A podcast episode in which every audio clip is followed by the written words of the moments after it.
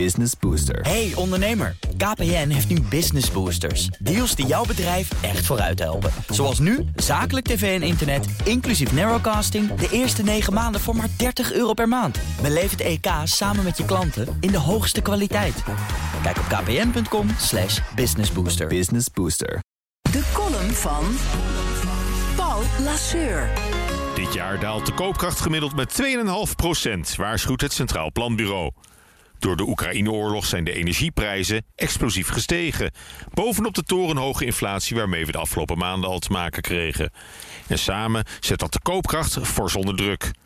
Al laat de regering het zover niet komen.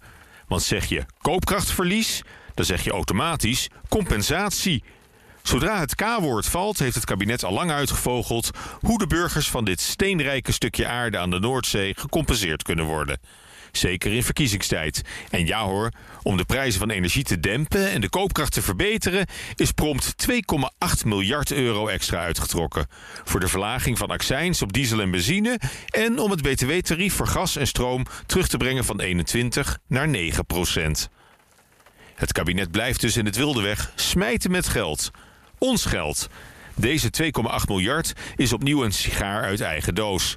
Van ons allemaal, voor ons allemaal. Want wie gaat dat betalen? Dat zijn onze kinderen en kleinkinderen die straks een hogere staatsschuld moeten aflossen. Prima natuurlijk als die miljarden nu volledig ten goede zouden komen aan lage inkomensgroepen, om op korte termijn de ergste nood te lenigen. Maar helaas komt het geld niet alleen daar terecht waar het keihard nodig is. Een groot deel gaat op aan welvarende burgers die het eigenlijk wel kunnen missen. Al is het voor iedereen even slikken aan de pomp. Meer automobilisten dan voorheen rijden weg bij tankstations zonder te betalen. Dat waren er altijd zo'n 300 per week. De afgelopen weken liep dat aantal op naar 370. Maar het is oorlog in Europa. Laat het ook eens doordringen. En het enige wat ons voorlopig bedreigt... is dat misschien de koopkracht met 2,5% afneemt. Vette pech hoor, maar er zijn ergere dingen. En hoezo moet elke denkbare tegenslag in het leven... meteen op de overheid worden afgewenteld? Het vangnet van de staat houdt ons allemaal gevangen. Misschien nog wel erger is dat het kabinet ervoor kiest om onze verslaving aan Russisch aardgas te bestendigen. Waar de jongste koopkrachtmaatregelen feitelijk op neerkomen, is een subsidie van fossiele brandstoffen. Terwijl als er één moment is om de samenleving te laten inzien dat we nodig moeten afkicken van olie en gas, bezuinigen, dan is het nu wel.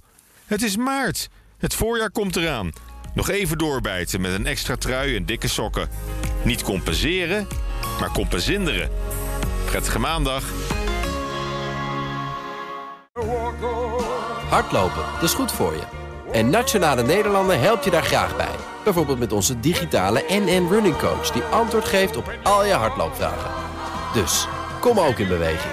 Onze support heb je. Kijk op nn.nl slash hardlopen.